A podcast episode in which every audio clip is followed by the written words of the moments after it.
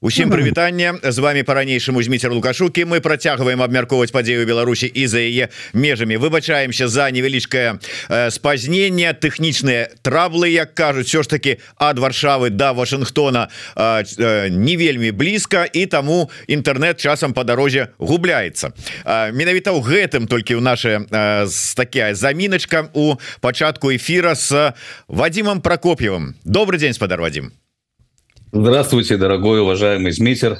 Long time no see, что называется. Да, давно мы с вами не не разговаривали Да ну так вас же ж паспрабуеш злаві і і дамоўся з вами тоже ж таки неулоўны заняты чалавек і зараз у Вашынгтоне Дарэчы чым вы там займаетеся зараз Ну мое время делится 50 25 25 50 процентов моего времени уходит на то чтобы заняться бизнесом. То есть я получил несколько предложений в Америке и собираюсь ими воспользоваться. Вот сейчас вот рассматриваю их, изучаю подробности, изучаю рынок. Это связано с моей бывшей профессией.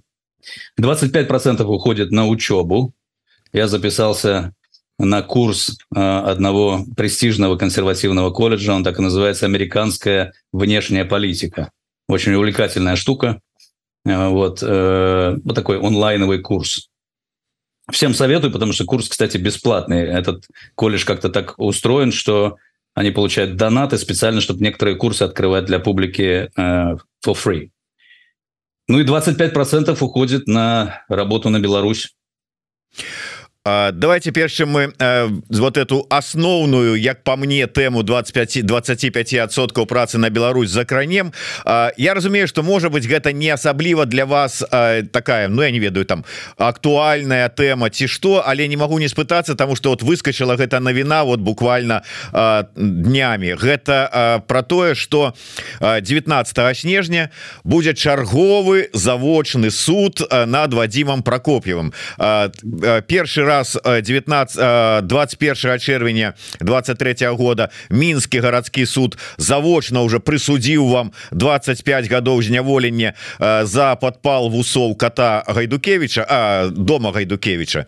Вот. А зараз чарговы суд уже ў брэсце вот гэтыя гады вам налічаныя турэмнага зняволення хай сабе і заочнага. Не напружваюць вас Ни в коем случае нет. Но э, хотя надо понять логику э, системы. Мы же понимаем прекрасно, что это политическое решение, а не правовое. Э, значит, за этим стоит, в общем-то, человек, да, и, и его воля. И любопытно, зачем вот это все накручивать, потому что у этого должна быть какая-то цель, понимаете, да? Мне ничего в голову не приходит, кроме одного мне нужно перестать пить из открытой бутылки воды. Если вы э, не выключаете, что э, такие долгие нет, руки нет, могут я быть... хочу спекулировать, я просто пытаюсь понять логику режима. Ну хорошо, получу я 35 лет, 45 лет, э, расстрел заочно. Для чего? Ну вот э, сапраўды э, для чаго і з э, чым гэта можа быць звязана? От як кажуць такое супадзенне что буквально колькі дзён тому Вадзін Прокоп'яў заявіў пра свой намер удзельнічаць у выборах у коорднацыйную раду і тут раптам пачалося гэта ўсё. Вот вы звязваеце гэта ўсё з нейкім чынам? Ну нет я настолько про себя серьезно не думаю. Я допускаю что у Э, в режиме есть пару кабинетов. Э, у режима есть пару кабинетов, скорее всего, на Комсомольской улице. Я допускаю, что там работает с десяток э, не самых тупых офицеров. Я допускаю, что их главная задача по списку отрабатывать угрозы. Я даже допускаю, что Валерий Сахащик в этих угрозах где-то в первых строчках. Ну и где-то там и моя фамилия присутствует. Поэтому у этих людей нет никакой другой работы – они больше ни на что не отвлекаются, они пытаются просчитать какие-то следующие ходы. Вот, давайте привет им передадим, вот, и развеселим их немножко, да, они наверняка на службе, и допускаю, что и в прямой эфир ваш смотрят. И, конечно, они пытаются просчитать хорошо, а что дальше от них ждать? Вот, потому что какие-то игроки для них очень предсказуемые, какие-то менее предсказуемые. Естественно, они этой работой занимаются. Ну, пускай занимаются.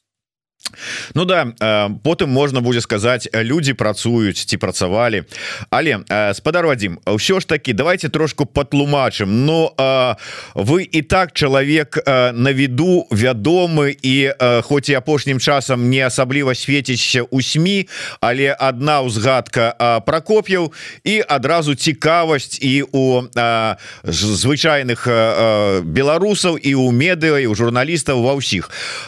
І все ж таки вот вам при гэтай вашай і так вядомасці і уплывовасці навошта коорднацыйная рада Чаму вы вырашылі туды ісці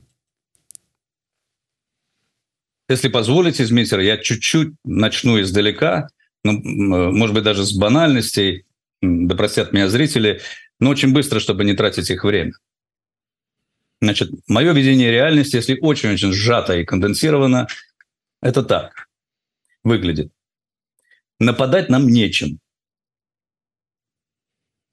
Силы и средства несоразмерны.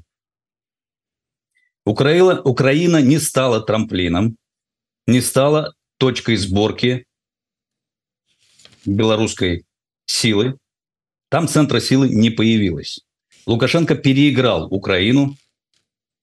Вот это моя гипотеза. Что нужно делать? Нужно наращивать мускулы. Нужно формировать гражданское общество там, где это теперь возможно. Делать альтернативные институты и продолжать доносить правду людям внутри страны. Люди внутри страны лишены прав. Их можно сравнить с заложниками в тоннелях газа. Но у нас, внимание, есть огромное количество пассионарных белорусов, которые оказались снаружи. Из этого можно собрать будущее страны. Поэтому нужно строить институты, способные перехватить управление страной в тех окнах возможностях, возможностей на тех исторических перекрестках, которые обязательно появятся. Они просто обречены появиться. Ну или как когда-то говорила Светлана Алексеевич, нужно вкладывать в новые элиты, инвестировать в новые элиты. Мы все понимаем, что после долгого периода диктатур, после долгого затянувшегося периода э, единоличного управления в авторитарных странах, обычно случается кошмар, случается вакуум лидерства, вакуум власти. И вот нам желательно этого не допустить. Это я сейчас говорю про более-менее оптимистический сценарий. Поэтому нужно признать реальность, искать себе честно что мы за три года, рефлексируя, разбираясь в себе, пробуя разными способами дотянуться и принести ущерб режиму, ориентируясь в пространстве, выживая, мы не сделали главную вещь. Мы не построили политический центр сил. То есть у нас отсутствует главное. У нас в ринге нет второго боксера. У нас нет здания политической альтернативы. Как понять вообще, что это за абстракция такая? Как простым языком понять вообще, е... может быть, оно есть, может быть, оно просто одноэтажное, а может быть, мы не можем лучше. Что, что, за, что за зверь такой этот центр силы? На мой взгляд, он должен обладать какими-то атрибутами, этот центр силы политической. Я думаю, что он должен обладать массовостью.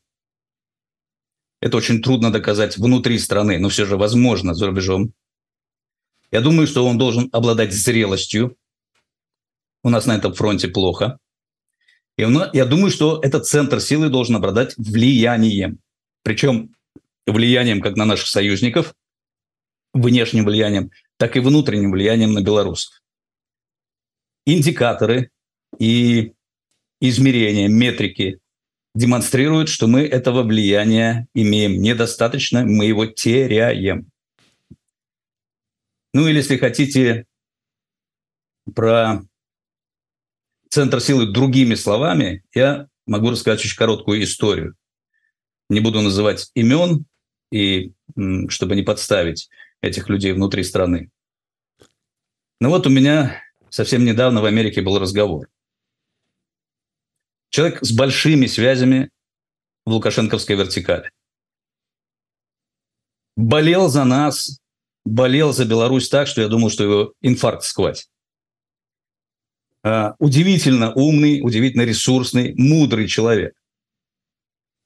Отчетливо понимал, какое значение имеет раскол элит. Какой-то момент, в 2021 году, он связался с очень известным человеком в Лукашенковской вертикали. Я был в курсе этих переговоров. Мы вместе с какими-то штурмами занимались мозговыми. Этот человек в вертикали обладает потрясающими связями. Можно даже сказать с натяжкой, что он интеллектуал. Может быть, не самый смелый человек, но интеллектуал.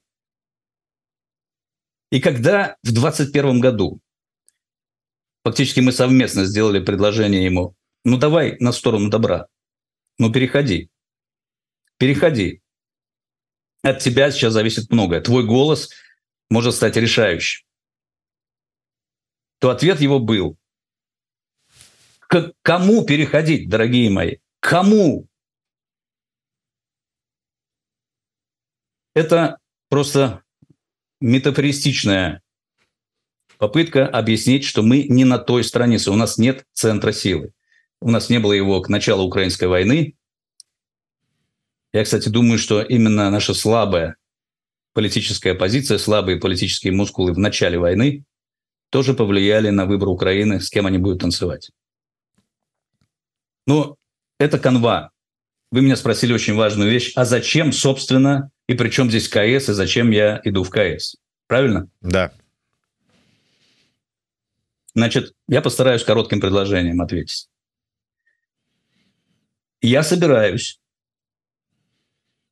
после того, как меня выберут, если меня выберут, в уважительной, открытой дискуссии, используя свой опыт, знания, логику и риторику, переубедить большое количество единомышленников, вернее, превратить Координационный совет в своих единомышленников и убедить их в том, что наши дела значительно хуже, чем они, возможно, себе представляют, и тут же предложить выход, что же с этим надо делать. И тут начинается я... самое цікавое. Вот и, в... я и что? Считаю, я считаю, что наш корабль сбился с пути. Я считаю, что вот этот вот пресловутый центр силы, без которого не будет ничего, ни военного крыла, ни каких-то э, интересных ходов, ни, ни симметричной, ни асимметричной игры без этого не будет. Просто уровня игры не будет. Так вот, этот центр силы легче всего было бы строить сверху. И, честно говоря, можно было тогда обойтись без Координационного совета или, э, ну, как-то э, выстроить вот эту вот башню, пирамиду такой высоты и такого роста, чтобы тень ее достигала не до Белостока, а до Минска, потому что тень от Кремлевской башни, настаиваю, достигает до Минска. Они нас переигрывают. Так вот, легче всего было бы это строить сверху. Но я на практике убедился, что сверху что-то мешает. То ли усталость, то ли отсутствие идей, то ли отсутствие воли, то ли еще какие-то факторы. Поэтому, не разрушая ничего, то, что построено, без всяких волчьих понтов, без поножовщины, исключительно искусством уважительного диалога и риторики нужно выстроить два недостающих этажа. Мне кажется, первым таким этажом мог бы быть Координационный совет, а вторым этажом вот это знаменитое, в политологии часто упоминающееся, отсутствующее у нас движение белорусов. Такой, знаете, аналог польской солидарности или литовского движения. Единственный строительный материал для такого массового движения – это белорусская диаспора. В белорусской диаспоре огромное количество людей, они разные, политизированные, неполитизированные, выживающие и уже Эм, достигшие успеха в Европе и в свободном мире. Но количество их велико. Даже если верить самым заниженным цифрам, которые озвучивал Карпенков, это целая Исландия за границей. Поэтому в политической архитектуре, вот в чем, собственно, моя простая теория. Отсутствуют два элемента. Движение, массовое движение белорусов, где они способны, знают, что делать, присутствуют, и их можно пересчитать. И, конечно, вот эта вот площадка как Координационный совет. Причем Координационный совет, если мы рассуждаем, что это протопарламент, он, конечно, некоторых функций настоящего парламента лишен по определению. То есть э, мы не превратимся и не хотим, да и бессмысленно превращаться в принтер. И уж тем более в бешеный принтер. Да? То есть я считаю, что законодательная функция Координационного совета должна преобразоваться, заменена должна быть стратегической. То есть что такое Координационный совет? Начнем с того, что это легальная структура, прописанная в законах европейских и американских. Продолжим тем, что это площадка, где соревнуются идеи. Продолжим тем, что с помощью Координационного совета можно корректировать курс нашего корабля. По моему мнению, он сбился с курса. Продолжим тем, что это тренажер демократии, что уровень представительских функций Э, можно поднять таким образом. Можно поднять уровень культуры договариваться и влиять на внешние субъекты, как на наших западных партнеров, так и на людей э, внутри Беларуси.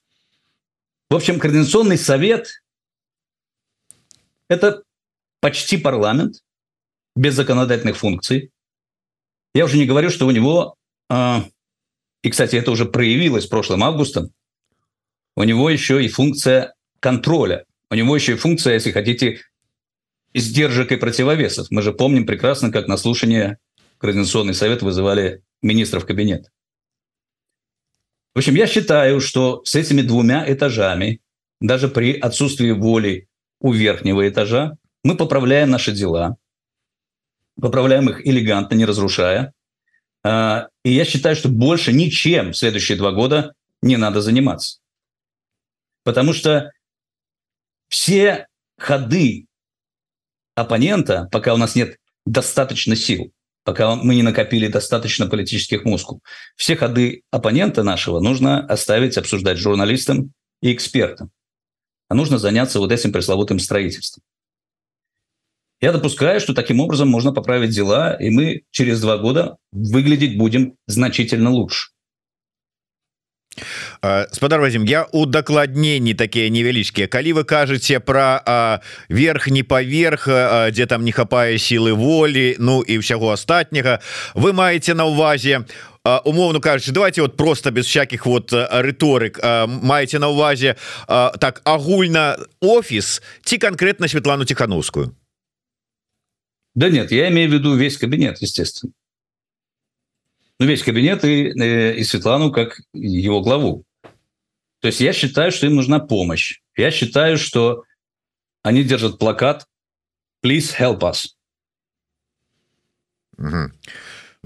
где-то працуюць вот это вот а, а, калі тебе ўзялі ў закладнікі то ты нам подмаргні яны подмаргиваюць і вы это сигнал уловили я уловил, я очень внимательно слежу за ходами. Я э, в Ельском университете имел возможность посмотреть э, на действия Светланы. А я вам скажу э, свое впечатление. Она в прекрасной форме. Она в прекрасной форме. То есть она действительно приобрела опыт. Мне вообще кажется, что она очень прилежная ученица. А, и в этом смысле, то есть вот она, она сделала сумасшедшее, сумасшедший прогресс за последних три года. Э, я не могу не сказать э, комплиментов ей, потому что это выглядело очень-очень уместно. Э, я человек, который замечает такие детали социальные в том числе. Она действительно в обществе западных интеллектуальных партнеров держится очень хорошо. У меня есть нюансы, которые бы я поправил. Я посмотрел минут 15 ее выступления в Конгрессе. Мне кажется, что интонационно это все равно транслирует некоторую жертвенность, которую нельзя транслировать в Америке. Но при этом какой прогресс и какой хороший английский. Э, она там на секундочку забыла на слово «щупальца» по-английски. Так я сам сидел э, и, и, и вспоминал мучительно, как будет щупальца по-английски. Но в остальном это прекрасный уровень. У такім выпадку калі сціхановская ўсё ў парадку але пэўныя ўсё ж таки вот а, а, плакат с просьбай дапамогі трымаюць у руках а, то можа быть значится проблема у іншых я не ведаю назовем это нюансах так вы подышлі там у ельскім універсітэце дзе вы сустракаліся і вот этой вот нюанс а, с взяли по плечом от тур отштурхнули сказали так франок отойди уже все Монголия а на этом место зараз будзе прокопіў смотрите я все по этому поводу сказал и вы помните когда я считаю что не следует заниматься Э, внутренним устройством э, кабинета. Ну, то есть все намеки были поданы. Э, меня часто, знаете, во время моего путешествия по диаспорам, потом уже после выступления подходит и говорит, слушайте, а вы, Вадим, не пробовали добрым словом? Ну, пробовал, конечно. Пробовал добрым словом, пробовал добрым словом не публично, пробовал добрым словом публично – это не работает. И вместо того, чтобы выходить и приумножать, то есть становиться частью проблемы, а не частью решения проблемы, и лезть со своими советами, а, а как нам устроить кабинет, и где там какие министры должны сидеть, и как он должен управляться. Потому что я это попробовал, мне кажется, в вашей передаче даже.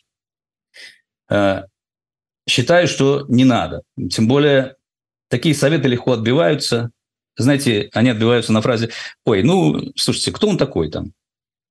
Он, Ковалевский, сказал, что мое место вообще в кофейне. Э, я считаю, что не надо туда лезть, не надо приумножать эту проблему, не надо приумножать напряжение, а нужно просто построить вот недостающие институты, сделать их наиболее взрослыми. Я рассчитываю, что третий созыв Координационного совета э, может значительно лучше быть, чем второй.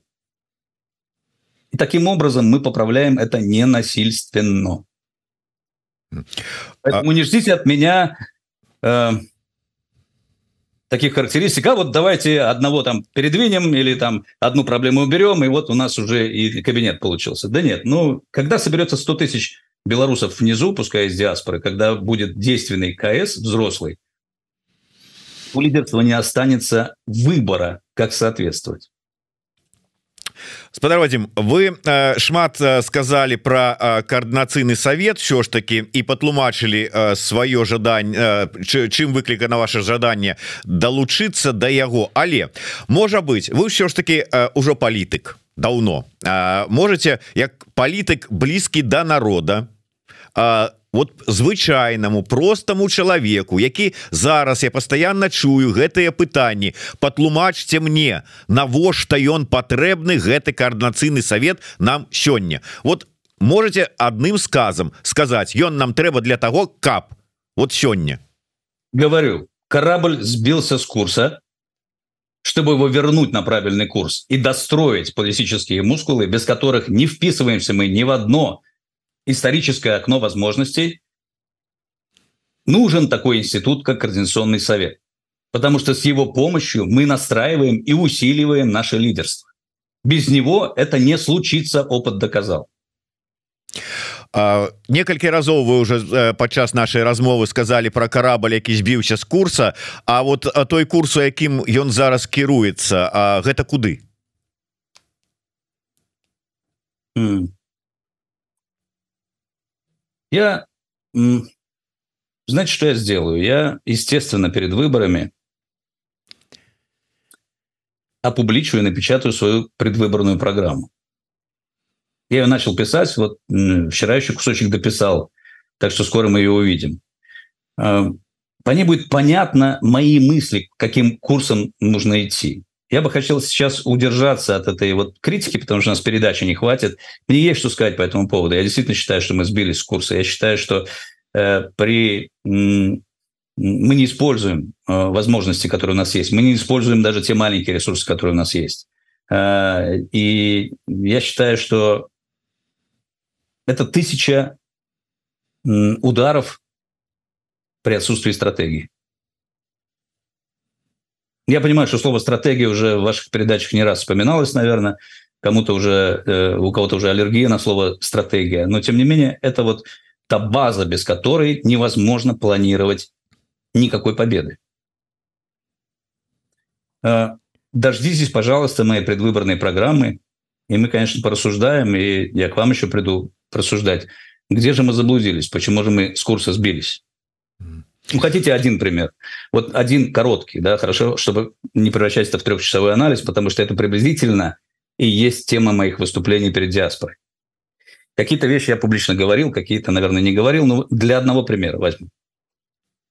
Смотрите, наш главный месседж США, потому что свежо предание, я поговорил со Светланой э, в Ельском университете и даже наконец-то задал ей там 8 вопросов, хотел задать 9, но задал 8 э, и получил исчерпывающий ответ как мне кажется, откровенный. И вот наша стратегия США, простыми словами, наш месседж в США, а я повторяю, что это, ну, э, по-прежнему политический игрок, Вашингтон по-прежнему главная политическая столица мира. Лукашенко думает, что Пекин, но мы-то понимаем, что Вашингтон главная политическая столица мира пока еще. И мы понимаем, что новый, правила нового миропорядка будет писаться здесь. И мы понимаем, что если мы будем в этом новом миропорядке описаны, упомянуты, то у нас шансов становится сразу больше в Беларуси. А если не будем, если нас будет продолжать считать частью России, то мы дураки. Так вот, наш главный месседж Америки звучит так. Пожалуйста, придумайте стратегию по Беларуси. Об этом Артем Шрайбман говорит лучше, чем я бы сказал. Но мой вывод такой. Мы не представляем для Америки геополитического интереса. Мы не часть этого большого уравнения. Америка не будет писать отдельную стратегию по Беларуси. Она будет писать по Афганистану, потому что там был Бен Ладен и террористическая угроза. Она будет писать по Украине, потому что это достаточно большая страна, а, и ее роль сейчас а, еще больше выросла. Но по Беларуси не будет. Это задача наша, наших интеллектуальных ресурсов, написать стратегию умную, интеллектуальную, э, достаточно ну, запоминающуюся, к этой стратегии приделать э, лоббистский ресурс, но к этой стратегии приложить еще такую вещь, как имплементатор. А кто же, собственно, будет это осуществлять? Потому что пока что наш месседж Америки звучит, пожалуйста, вы такие сильные, придумайте что-нибудь ну спасите нас. Так не работает. Мало того, что это против американского национального духа и характера, это еще и контрпродуктивно. Я на этом кусочке остановлюсь, потому что, повторяю, не хватит трех часов, чтобы анализировать, где мы промахиваемся со стратегией. добра А ёсць ну добра у вас напрыклад с ну я не ведаю силы здольности жадания сгенерировать эту стратегию да я прекрасно понимаю, что это не может исходить от одного человека. А, я уверен, что вы столкнулись с тем же, с чем и я, Измитер. Насколько я понимаю, вы проехались по диаспорам США. Да. Это был тоже такой гранд-тур по многим городам, правильно? Восточное и западное побережье. Я уверен, что вы обнаружили то же самое, что и я. Огромный интеллектуальный потенциал в диаспоре. Потрясающе умные белорусы. Мирового уровня. Мирового уровня мыслителей белорусы совершенно точно могут позволить себе написать такую стратегию для США. Причем она будет выглядеть взросло. Причем никто нас не, не обязывает вариться в собственном соку и догадываться, в чем же там американские интересы или подводные течения. Мы вполне возможно, мы вполне можем поговорить с американскими интеллектуалами. Они с удовольствием придут на помощь. Вот мой коротенький э, опыт общения например, э, с профессором Тимоти Снайдером, говорит о том, что я уже несколько идей для этой будущей стратегии перепроверил с ним. А всего лишь мы постояли там с бокалом, поговорили об Украине, о Беларуси с ним и с его женой. Я уже понимаю, что даже мое видение, некоторые мои идеи скорректированы. А представьте, что это процесс, настоящий процесс, стратегический процесс в комнате. Я точно понимаю, кого бы я хотел в эту комнату пригласить. Я считаю, что это Э, нужно делать. Я больше вам скажу. Уже есть люди, которые этим занимаются. А, я, я уже туда бросаю свои идеи и надеюсь, что чем больше я пробуду в Вашингтоне, и тем больше, чем больше у меня возникнет таких дружеских связей, потому что в нашем случае я верю либо в очень крутого лоббиста, здесь целая улица в Вашингтоне есть такая, Кей-стрит, знаете, да, mm-hmm. где прям офисы крупных лоббистских фирм. Или, во что я еще сильно верю, в неконвенциональную дипломатию. Я верю в бокал мартини, я верю в игру в теннис, я верю в анекдот, я верю в знание американских реалий, и только потом э, интеллектуальная доктрина о том, для чего же мы Америке сдались. Где же тут win-win, где тут американский национальный интерес? Но, уверяю вас, мы не единственная страна, которая проходит этот путь. И вот я уже подзабыл цифру расходов на лоббизм со стороны, например, Республики Польша. Ведь мы с вами привыкли думать, что Польша ну, логичный и естественный американский союзник в Восточной Европе. Даже больше где-то мы привыкли думать, чем э, Брюссель. Уверяю вас, они по-прежнему занимаются продвижением своих интересов профессионально, как бизнес-процесс. И мы можем придумать так. У нас нет столько ресурсов, но есть ходы. Хорошо, не будем долго на этом останавливаться. Мне кажется, эта передача про американскую стратегию чрезвычайно интересная этот спор нужно продолжить. Мы процягнем его але я вот может быть по Амерыцы только удакладнюся только вы узгадали такое мое турне по городах и диаспорах ЗША сапраўды я туды поехал по іх запрашэнню і для мяне было вельмі вот такая выснова якую я зрабіў і что мяне асабліва здзівіла пасля того что я не не паўсюль поехал хоть было іншыя прапановы я просто уже не паспяваў і не было магчымасці але я ехаў я сустракаўся з людзьмі і я думаў про сябе. Ну я ж не вольскі. Я не песні прыехаў спяваць. Я нават не Андрей хаданович я не вершы читаю я заклікаў людзей запрасіў поразважаць про нацыянальную ідэнтычнасць і нацыянальную ідэю. І люди прыйшлі прыходзілі і з задавальненнем далучаліся до да это абмеркавання. І гэта тое что мяне здзівіла. Вы ехали все ж таки по дыаспорах з іншымі мэтамі. Вот вы сваіх мэт досяглі досягнули что вас асабліва здзівіла? То есть в принципе вы-то для чего по дыаспорах поехали Ну вот смотрите моя обычная встреча с диаспорой э, делится на на две части Обычно я выступаю где-то от двух до трех часов и прошу прерывать меня мелкими комментариями, но не отвлекать меня от заглавной темы. За эти три часа, ну это в случае, если я один, потому что иногда, например, в Европе, иногда я был вдвоем с Валерием или вдвоем с Андреем – Егоровым, да, тогда, конечно, мы резко сокращаем время каждого, да, и стараемся ложиться в 20 минут и очень-очень сильно обрезаем какие-то смыслы важные. Но обычно, когда мы никуда не торопимся, вот когда я никуда не тороплюсь, и я один, например, присутствую э, на сцене, я беру три часа. За эти три часа мы подводим итог, где мы, почему мы тут оказались, и потом я предлагаю какие-то свои ходы. После этого обычно происходит небольшой дружеский перерыв на кофе, и не меньше двух часов уходят на споры.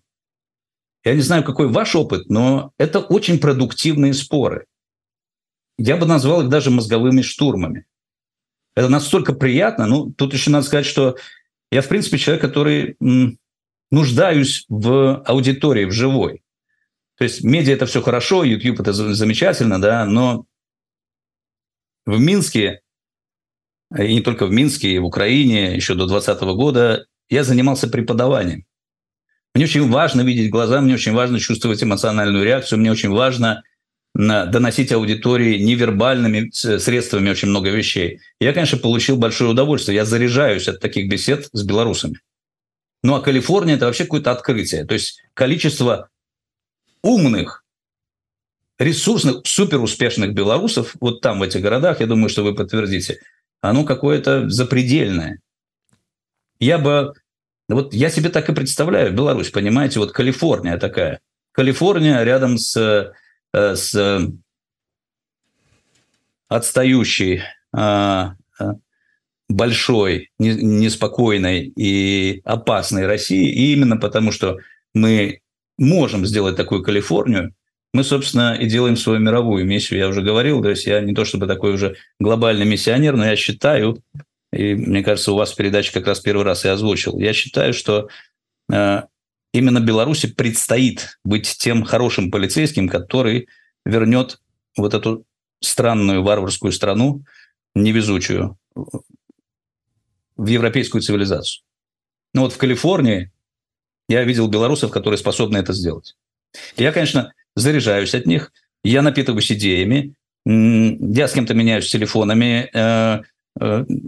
Это ужасно продуктивная вещь. несмотря на то, что я взял такой темп несколько бешеный, чуть ли не один день, один город, так получалось у меня, э, я вообще не уставал.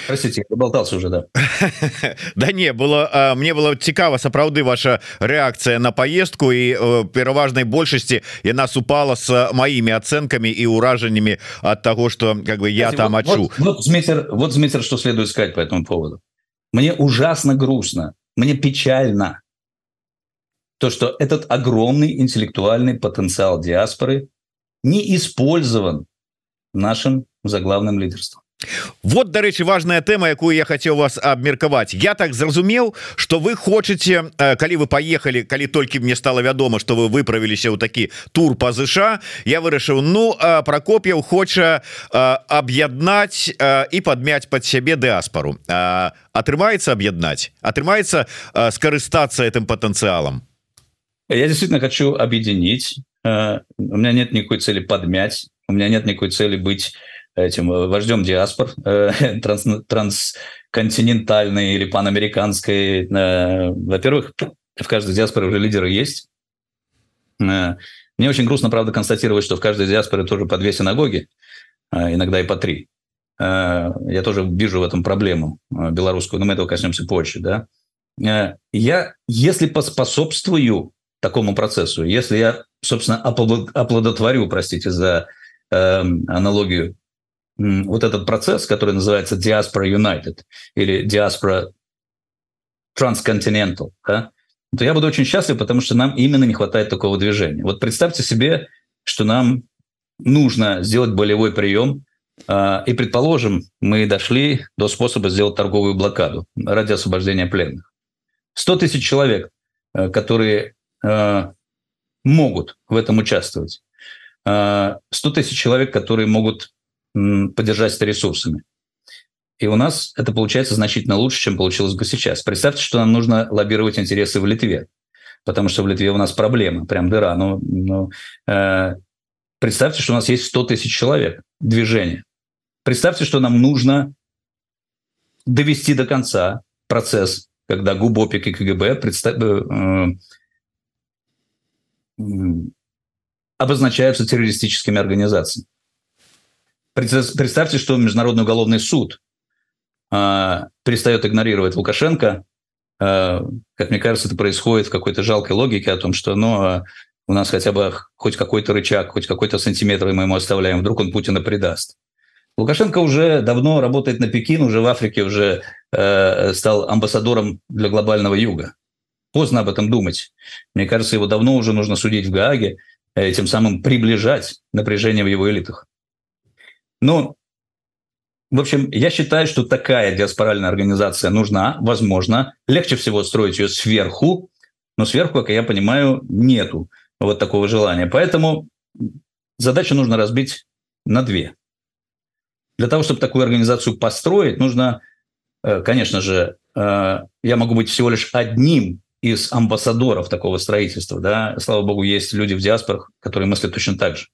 Э, Но ну, вообще нужны деньги на маркетинг, нужны ресурсы, нужна прекрасная идея. Мы понимаем, что эта организация должна быть современного типа. Это не может быть КПСС, понимаете, с, с Краковским райконом, райкомом и Варшавским обкомом.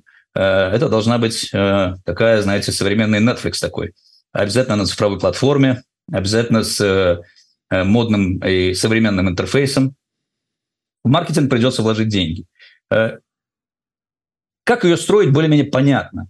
И во время моего путешествия по диаспорам эта идея еще больше кристаллизовалась и окрепла. Уже появился офис, э, и как это сделать. Я на связи с активистами э, этих диаспор.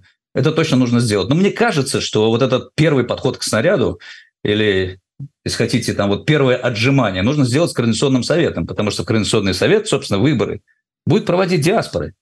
А кому еще? Для белорусов на материке это небезопасно. А диаспоры, если посмотреть на это под другим углом, то каждый человек э, в диаспоре, который принимает участие в выборах, ведь де-факто он голосует за себя и за членов своих семьи, которые остались в Беларуси. То есть это уже прокси, как минимум трех голосов. В общем, диаспора United или вот такая вот большая организация, соединенная на цифровой платформе, умеющая действовать коллективно, вне зависимости от э, локальных активностей. Да, это может быть и белорусская школа, понимаете, и какое-то лоббирование своих интересов в странах пребывания. Но у нее должна быть коллективная воля. Эта коллективная воля нам нужна. Легче всего такую организацию построить в два шага. Первый шаг сделать красивые, прозрачные, честные выборы в Координационный совет. Массово их разрекламировать и тем самым наэлектризовать диаспору о том, что она действительно может принимать а, такие решения и действовать. А после этого сделать диаспоральную организацию легче. Вообще в конце пути я нарисовал себе такую художественную мечту. Через два года, если все эти действия делать правильно, мы соберем в Варшаве стадион. Большой стадион вот из этой прямо, из активистов диаспоры. Я не знаю, сколько на стадионе в Варшаве помещается человек, сколько, 25 тысяч, 50? На э, народовым, сдается, 80. Отлично. Вот нам нужно собрать стадион через два года. 80 тысяч человек, и на стадионе выступают политики, понимаете, как в Колизее. Вот это круть будет. Везде наши флаги, все это транслируется на материк. Красиво? Ну э, да але вы сказали про тое что нам неабходна зараз правесці э, сумленные празрыстыя. Я можа от сябе дадам ці это былі таксама ваши словы э, по зразумелым э, канонам или калам э, выборы э, тую э, тое что мы маем тую прапанову э, тую э, як правесці выборы э, что зараз распрацавала дзеючая коорднацыйная рада. Як вы их оцениваете гэта у адпаведнасці вот с тым что яны прапановваюць той сістэмай э, гэта атрымаюцца такія выборы провести я я смотрю на этот результат. Хорошо что он вышел в срок 8 числа как они обещали но я смотрю как этот результат еще не последний. Мне кажется он сыроват. А, или я чего-то не понимаю. Мне кажется что он нуждается в доработке причем моментальной быстрой. А, и, наверное, там не существует действительно идеального решения. Выборы в тех условиях, в которых мы оказались, они всегда будут какими-то компромиссными условиями э, окружены. В одном можно быть точно уверенным, что любые выборы со всеми компромиссами и со всеми сложностями, э, которые, с которыми мы столкнемся, это точно честные выборы по сравнению с тем спектаклем, который устроит 25 числа внутри страны, в концлагере, понимаете? Mm-hmm. Поэтому мне кажется, что прозрачность и понятность, возможно, не являются спорным моментом для тех, кто придумывал эту процедуру, но простому белорусу. Простому белорусу, повторяю, это должна понять медсестра, дальнобойщик, художник, а не только, понимаете, доктор наук. Не только человек, который, ну, прям в политике хорошо разбирается. Мне кажется, что там есть недоработки. Я жду от э, людей, которые принимают э, участие в выработке этой процедуры, дальнейших шагов – и пока я не увижу такого ликбеза, пока я не вижу такой презентации простой и понятной, э, я не успокоюсь, но мешать им не буду. Мне кажется, что эта презентация должна быть, иначе просто это э, не взлетит. Я позволю себе через вашу передачу внести еще пару предложений туда. То есть действительно процедура должна быть настолько понятная и разложенная, чтобы по ней можно снять там мультик, а не только сделать инфографику и не только выступить там спикеру КС. Это прям нужно широко рекламировать, этому нужно учить. Это должна быть простая процедура. Делай раз, делай два, делай три. Дальше. Я считаю, что каждому представителю, которого выберут в КС, нужно платить 1 доллар в месяц. Мы все понимаем, что это волонтерская работа. Но даже вот такая символическая сумма за присутствие и за работу, за время, которое будет потрачено на э, дискуссии, на работу в КС и, соответственно, на контрольные функции, на представительные функции, это хорошо, если мы начнем эту культуру, когда мы живем за свои деньги. Пускай эти деньги вообще самые-самые символические. Ведь мы прекрасно понимаем, что каждый представитель КС будет, собственно, заниматься собственной работой. У него наверняка есть первая или вторая работа, а КС – это все-таки волонтерство. Но вот я за то, чтобы это волонтерство хотя бы на уровне символического доллара в месяц уже превратить в более профессиональное. Так людям просто легче запоминается. Ну вот, поэтому я не огорчаюсь этой э, сложной и запутанной процедуре. Я ее прочитал, разумеется, да. И я считаю, что э, вся эта группа людей, которая занимается выборами, сама заинтересована э, выбраться. И мне кажется, что не пройдет и двух недель, они представят какую-то презентацию, которую понятно будет всем. После этого ее нужно будет обсуждать, критиковать и на чем-нибудь остановиться. Я, кстати, взял э, тогда в Ельском университете фактически слово у Светланы Тихановской о том, что она приложит все усилия, чтобы эта пропаганда таких выборов в КС была максимально широкой и мощной. Я всерьез вижу рекламную кампанию. Я вижу белорусов, которые пропагандируют вступить в Координационный совет. А вот, смотрите. Видно что-нибудь, нет? Не, вы там поставили заставку эту свою такую, и там не, не вот так вот видать, а да? Вот так. Все на выборы в КС. И э, таки э, не вельмі удалый портрет Прокопьева. Да плевать, это же, это же проба пера, это все на коленке. Э, а представьте, этим, если этим займутся профессиональные рекламщики. В общем, если есть воля, все достижимо, а, но нужно сделать это прозрачно и понятно. А, ведаеце спадар Вадим с якой ну я как бы так не то что это праблема але з якой сітуацыяй я асабіста сутыкнуўся у да, нават зараз у у сярод удзельнікаў праграмы ідэX нема людзей з Беларусі. І гэта зразумела.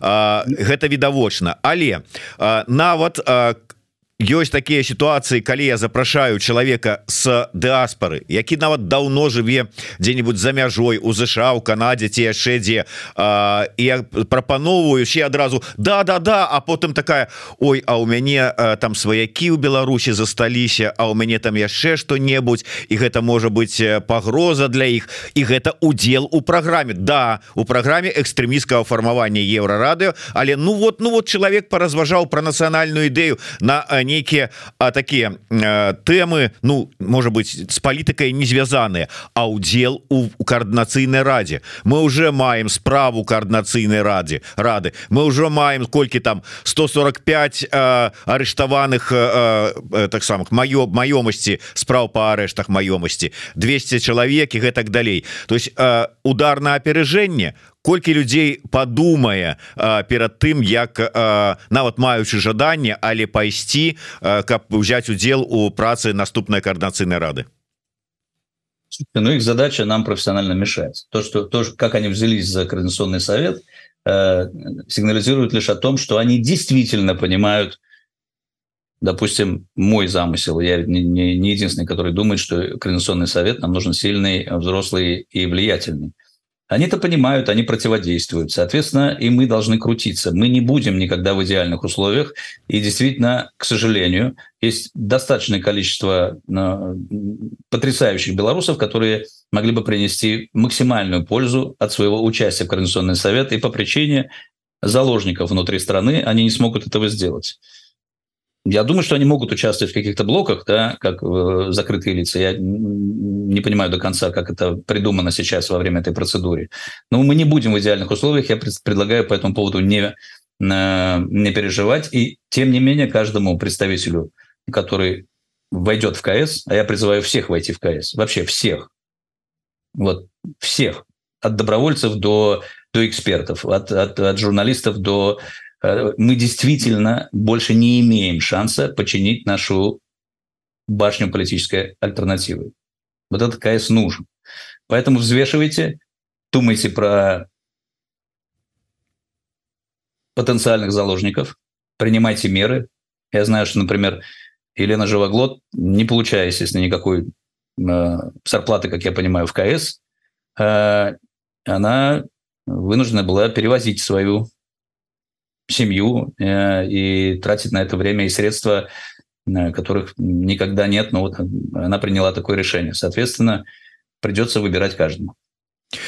Да Ну что ж по працэдуры і увогуле як это бачыцца гэтая удзел у выбарчай кампаніі УКС мы заўтра больш падрабязна паговорым тым больш что у нас будзе Алена жываглоту эфиры і яшчэ одна прадстаўніца коаардынацыйнай рады Ганна краўченко але я дарэчы хотел бы зараз усіх кому гэта бяспечна параіць заклікаць подпісацца на YouTube канал еврорады шарце подписывайтеся пишите свои каментары каб як мага больш людзей побачыла наше відео і пачула словы спадара Владимира Вадима Прокоп'ева спадар Вадим А ваш вы там якісь які-нибудь сабе YouTube канал завялі дзе можна что можна порекомендаваць дзе можна вас послухаць не так редко як на еўрорады а может быть часцей. Мне не надо часціць. Я давно это про себя выучил мне нужно выходить, когда мне нужно выходить. Есть, есть разные тактики, есть люди, которые никогда не соглашаются со мной относительно этого метода. Им кажется, что э, только регулярность в медиа и так далее, и так далее. Я за себя, я про себя выучил другое. Я считаю, что я выхожу тогда, когда мне нужно выходить, и мой голос достаточно слышен, несмотря на мои редкие появления. Возможно, возможно даже лучше слышен и четче слышен э, в этих редких появлениях. Разумеется, чем ближе будет к выборам, тем больше вы меня будете слышать. Я обязательно озвучу свою программу и я вообще, ну, если, если сейчас уместно, Змитер, то я бы вот хотел чуть ли не призыв сделать, понимаете? Кайласка. Вот, да. Если есть неравнодушные люди к судьбе Беларуси, а повторяю, в пессимистичном сценарии мы отходим утешительным призом Кремлю. Понимаете? Так вот, если есть неравнодушные люди к судьбе Беларуси, если белорусам еще нужно собственное государство, военные люди, гражданские люди, беспартийные люди. Всех зову в Координационный совет. Всех согласных со мной и всех со мной не согласных. Несогласных я собираюсь уважительно переубеждать, а согласных предлагаю, согласным предлагаю записываться вот в свою фракцию, в свой блок, если хотите. А, я эти заявления буду делать в свое время, но вы услышите и мою программу, и какой-то состав людей, который уже образовался, единомышленников вокруг меня. Поэтому всех зову, всех, кто может себе позволить, всех, кто чувствует, что э, это безопасный для него ход, все, у всех, у кого болит сердце. Я действительно своим анализом пришел, что это чуть ли не последний хороший ход, предпоследний хороший ход, который мы можем сделать, чтобы поправить наши дела. Ну, ось такі заклік от спадара Вадима Прокоп'ева прогучаў про тое каб далучаліся до яго команды Я так думаю что будзе створана створана целая команда і до яго электаральной кампаніі. Дарэчы вы будете электаральную кампанію вести так тихо спокойно як это называть уважительно или як кажуць дадите чаду? Я думаю что я не буду притворяться я буду самим собой ждите от меня все-таки вдумчивых и больших смыслов. Я не собираюсь э, ни э, косплеить ни Жириновского, ни даже Бориса Джонсона. Э, это будет спокойный разговор про самое главное, что белорусам сейчас нужно делать, на мой взгляд, и куда нам нужно прийти, и когда нужно прийти. Поэтому смотрите на программу. Это не ждите а, а, шоу, понимаете, а, октагона или ринга. Вот. Э, я с удовольствием поучаствую в полемике, э, но все же настаиваю, белорусам сейчас, в этот момент, нужна культура доброжелательной дискуссии. Мы ее утратили. Ну скажу я вам косплеить Бориса Джо Джонсона вам было б даволі складана бо ён как бы браў сваёй сваім да шевелюрай харизматычнай але я хотел бы яшчэ у меня огромные надежды были на него ровно потому что он написал несколько научных книг про Черчилля у меня были колоссальные на него надежды прямо колоссальные очень печально что он сгорел как заяц э, просто не удержавшись, понимаете, от вечеринок. Э, а украинцев какие надежды были на него? Ну, вот так бывает в политике. Ну да. Я бачу что спадар Вадим уже настроены развітвацца але у мне есть два пытання яшчэ як мінімум Хорошо. на заканчэнне вельмі спадабалася і мне і тут нашим гледачам і слухачам ваши словы про две сінагогі у кожным беларускай дыаспары і гэта как бы так подводзіць нас до пытання про гэтыя нейкія пастаянныя в апошні час раздраі скандалы подзелы сярод беларусаў беларусаў сярод дыаспоры у широкім сэнсе. Все нешта не тое. Вот сёння у мяне в эфиры быў азараў с лупаносовым і зноўку тут ішлі размовы про агентаў здраднікаў і ўсё астатняе. Что гэта адкуль это это такі ну ну так у таким мы зараз часе ситуации і на маральным стане знаходзімся. Ці ці что гэта? Ці это запланавана? Ці это работа такая вядзецца? Чым это звязано вот як вы оцениваете Я скажу, что моя версия следующая.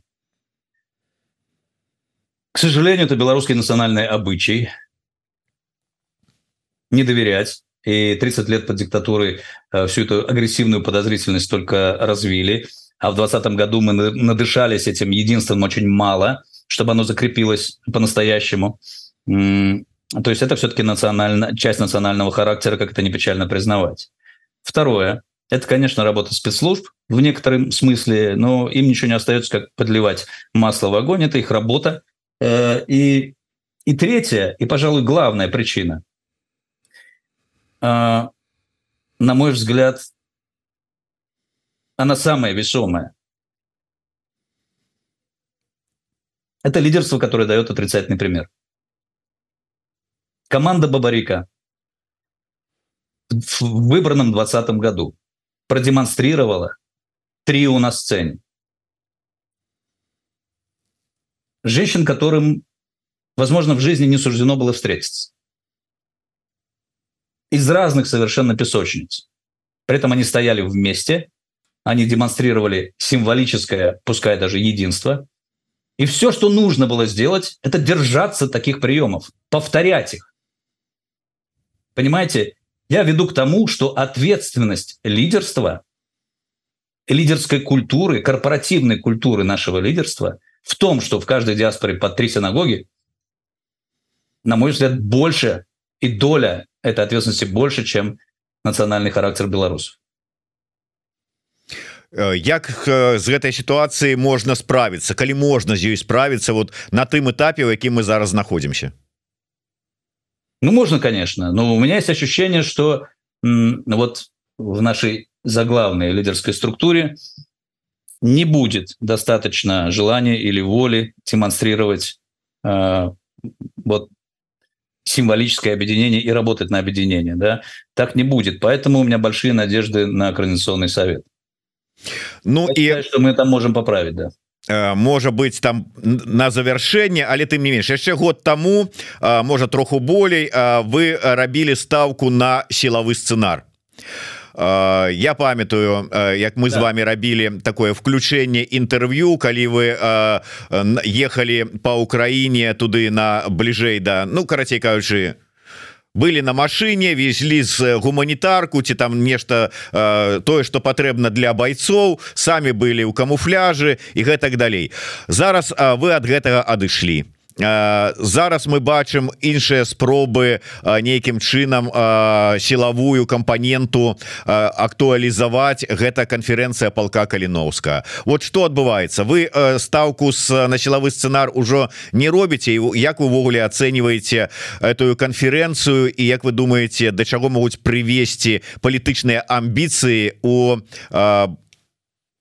у ваяроў у добраахвотнікаў Ну хорошо, ну, ну вы такой вопрос задали, давай опять на час дискуссии. Ну ладно, я, я как-то попробую очень э, тезисно пройтись по этому. Значит, тезис первый. Мы не имели политических мускул, когда заходили в Украину. Война застала наши политические структуры с опущенными штанами.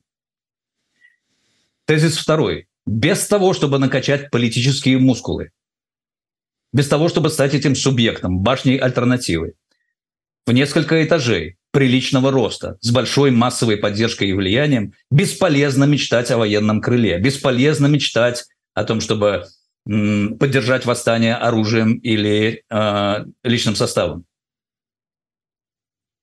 Я считаю, что вероятность силового сценария была упущена в первые месяцы войны. Я считаю, что война, конечно, это очень динамическая такая э, история. Все говорит, к большому сожалению, что она будет затяжной и продлится не год.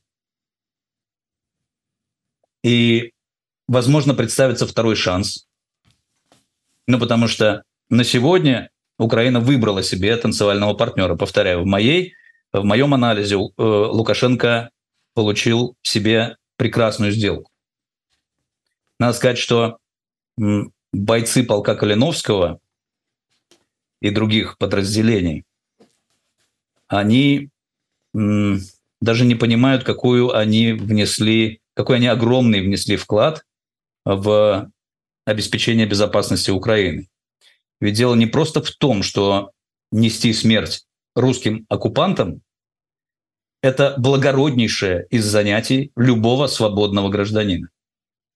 Дело в том, что частью пакета было точно э, контролируемое поведение с помощью ГУРа полка Калиновского. Я больше скажу, даже моя скромная персона была частью этого пакета торгового. То есть в Украину не летят ракеты, отсутствуют бомбардировки, и существует вот это хрупкое равновесие, в том числе и потому, что в Украине оказались белорусы. То есть мы точно часть этой сделки. Значит, вероятность того, что у Украины будет такая стратегия силовая, я не верю. Ну и потом дорога ложка к обеду. Я считаю, что какие-то военные историки, анализируя первые месяцы этой войны, несомненно сделают выводы о том, что Украина упустила вероятность асимметричного ответа. Ну, все хорошо тогда, когда это хорошо.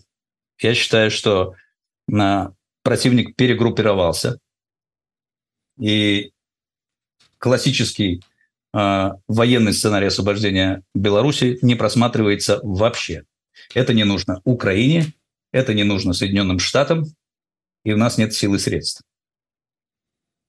Вот поэтому нужно эту реальность признать э, и заниматься как бы некоторым пассионарием и очень таким людям всем сердцем болеющим за Беларусь, как бы не было неприятно это слушать, нужно заняться сначала политикой.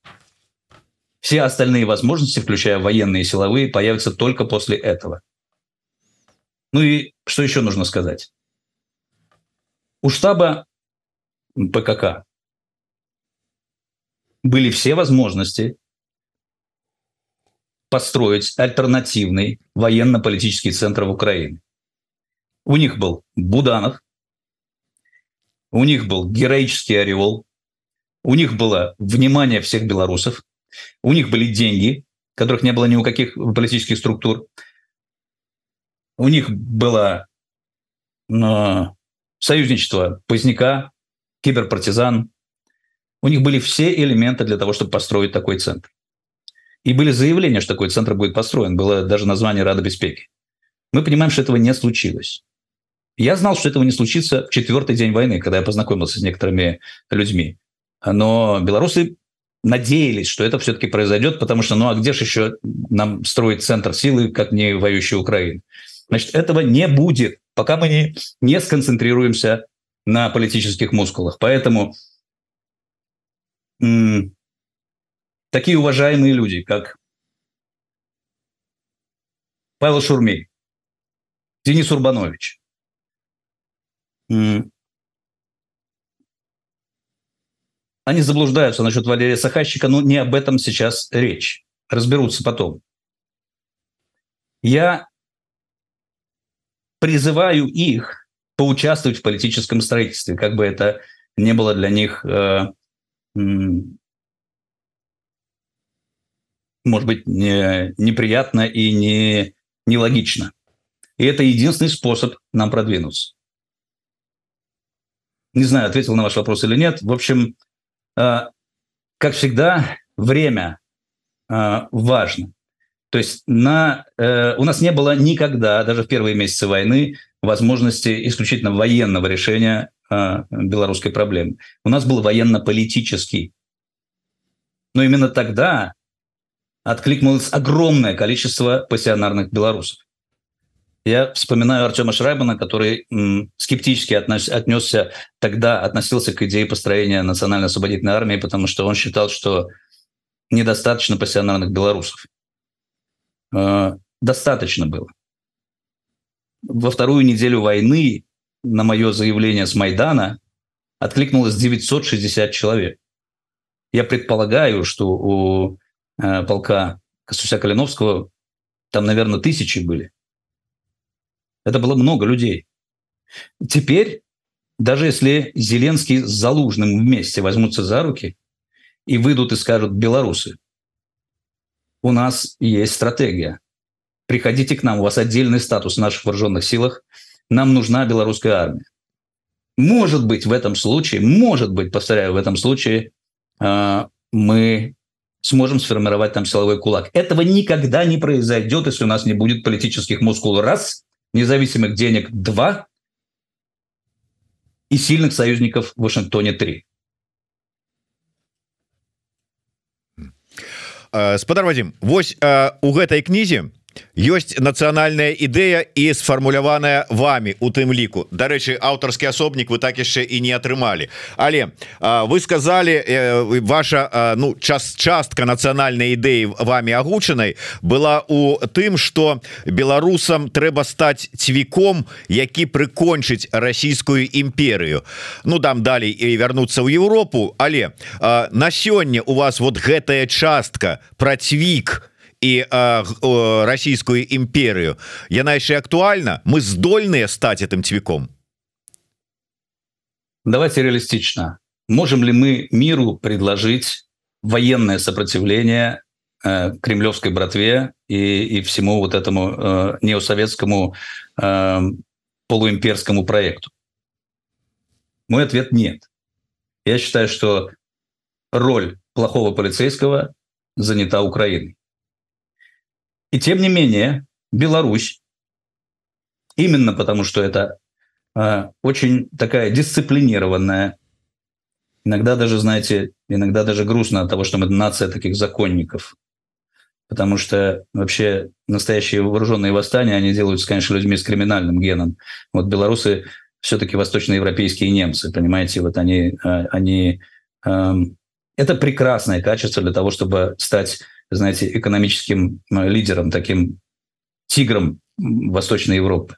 Так вот, наша граница с Россией э, и наше влияние на Россию не сразу, конечно, но после того, как сменится власть, будет велико в случае, если мы воспользуемся мудростью, если построим уже сейчас альтернативные институты, если мы сделаем прекрасный реформистский проект, потому что у нас европеизированное, трудоспособное население, большой человеческий капитал, прекрасная европейская бытовая культура, мы действительно можем удивить всю Россию.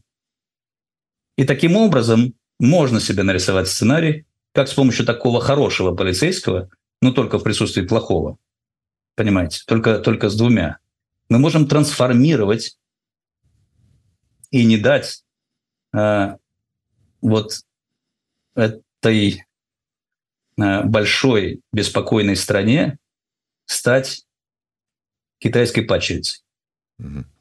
Дарэчы спадар Вадим коротко на завяршэнне Я думаю что вы глядзелі Ну ці можа быть там так канцэнтрыраваную по, по выніку потым вынік слухання ў каардынацыйнай радзе бачылі по пытанню вызвалення палітвязняў у вас ёсць сваё бачанне на свой адказ на гэтае пытанне Да.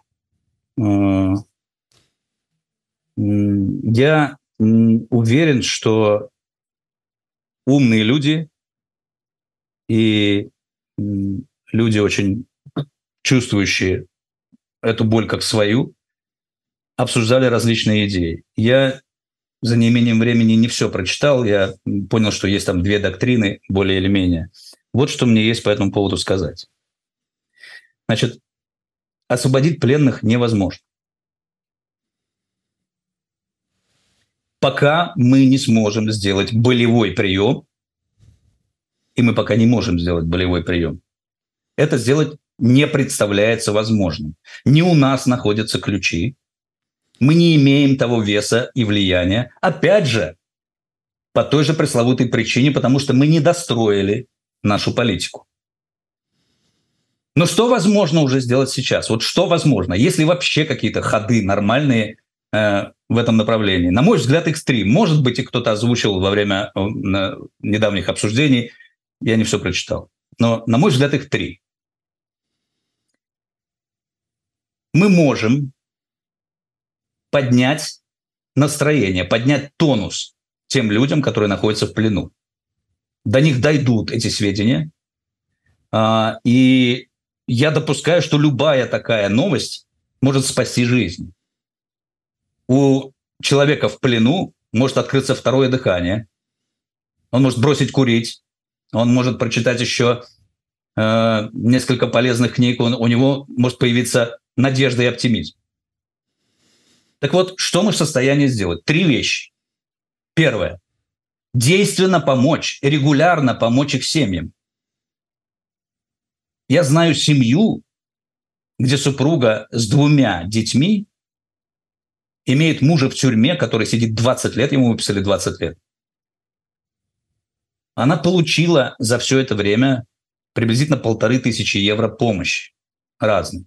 Я допускаю, что это произошло не в последнюю очередь, потому что она знакома э, с людьми из штаба Тихановской. Но это ненормально. Белорусы точно могут лучше. Второе, что нужно сделать, то есть помощь семьям регулярная, а не спорадическая, обязательно. Второе, что мы можем сделать. Мы можем принять декларацию о компенсации. И несмотря на всю абстрактность такого документа, под нее подпишутся все политические акторы. Я уверен, от полка Калиновского до Зенона Станиславовича.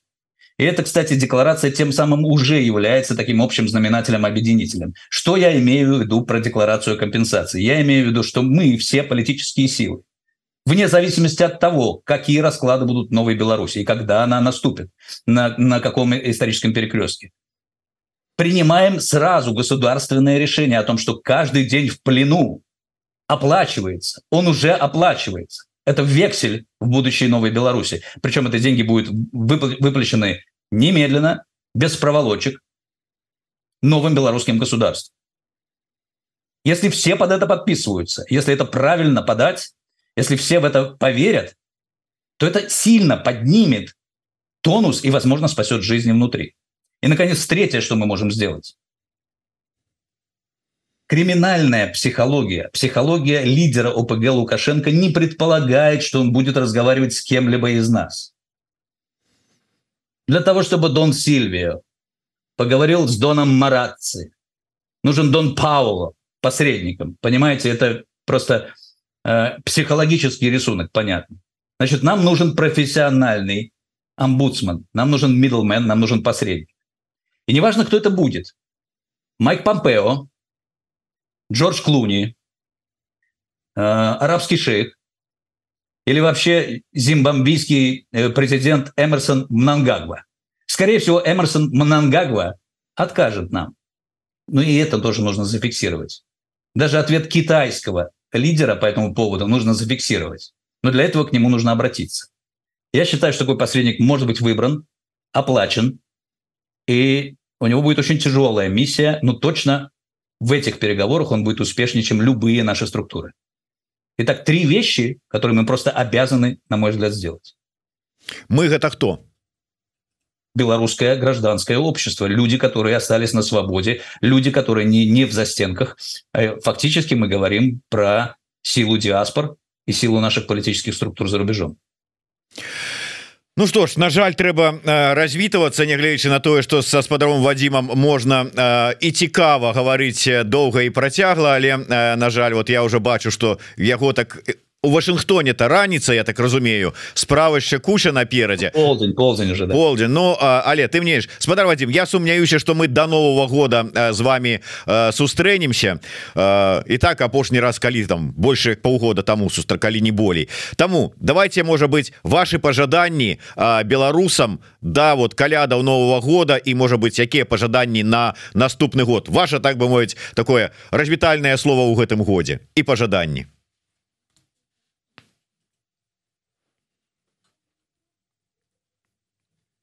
Ух, верить, взрослеть,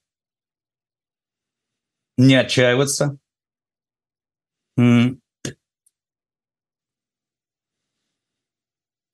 Очень трудно радоваться. Я словил себя недавно на мысли о том, что я очень... Вообще-то раньше любил танцевать. Ну, понятно, пьяненький, любил подтанцовывать, скорее, а не танцевать. Да, я не танцевал уже три года. А, и, и как-то не могу себе этого позволить пока. Но однажды мы станцуем и шампанское откроем. А, но для этого придется много-много-много что-то сделать. Да? И вообще я закончу а, довольно расхожими словами Черчилля.